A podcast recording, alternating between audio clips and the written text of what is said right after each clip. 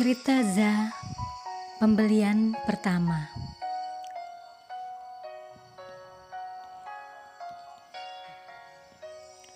Pagi tadi saat bangun tidur Aku tidak langsung beranjak. Mengingat-ingat mimpi yang singgah dalam tidurku. Rasanya baru kali ini mimpinya bagus. Atau mungkin aku lupa dengan mimpi bagus lainnya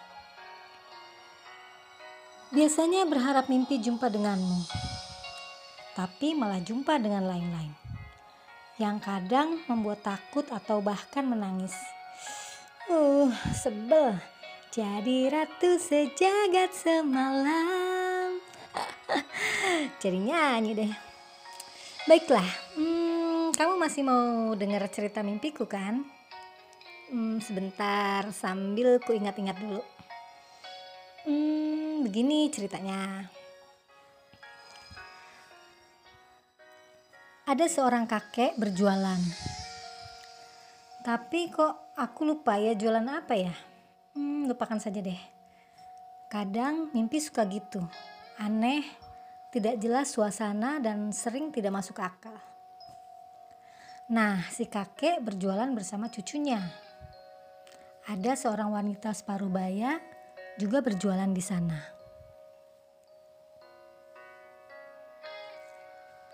Saat itu menjelang petang, aku membeli barang dagangan si kakek melalui cucunya. Hmm, jumlah rupiahnya aku lupa, tapi ternyata mereka tidak mempunyai uang untuk kembalian. Kek, ada kembalian? Cucu bertanya pada kakek. Tidak ada, Neng.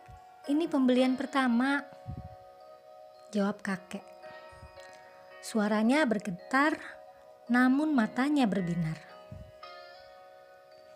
Dalam mimpi, hatiku pun ikut bergetar. Sudah sesore ini belum ada hasil penjualan. Dan jawaban kakek itu entah mengapa membuatku terharu biru. Mimpi berakhir begitu saja. Aku terbangun, tapi ucapan kakek itu kuingat sampai aku menceritakan ini. Ya, pembelian pertama. Tiba-tiba aku teringat sebuah kalimat yang tertulis di media sosial Facebook. Jadilah orang pertama yang menyukai tulisan ini. Begitu kira-kira kalau aku tak salah ingat. Mungkin kamu juga pernah membacanya. Kalimat itu sebagai tanggapan positif untuk sebuah status yang ditulis orang-orang di dunia maya. Lalu dengan bangga kita meresponnya dengan memberikan tanda emoticon like, love, dan sebagainya. Juga menuliskan Pertamax pada kolom komentar. Aku hanya sedang merenung. Facebook menyiapkan emoticon dan kalimat itu tentu punya tujuan. Betapa kita sebagai makhluk sosial sangat membutuhkan apresiasi dari sesama pun di dunia maya. Nah, bagaimana si kakek dan para pedagang lain di dunia nyata dengan pembeli pertamanya? Kamu pasti pahamlah dengan perenunganku ini. Seperti kutulis dalam status Facebookku hari ini. Jangan pernah enggan melakukan sesuatu yang bisa membuat orang lain tersenyum dan bahagia. Tak peduli besar atau kecil, sedikit atau banyak.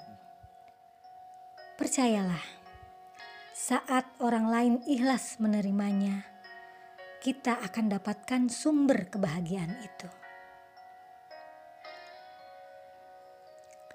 Bandar Lampung, 18 Juli 2020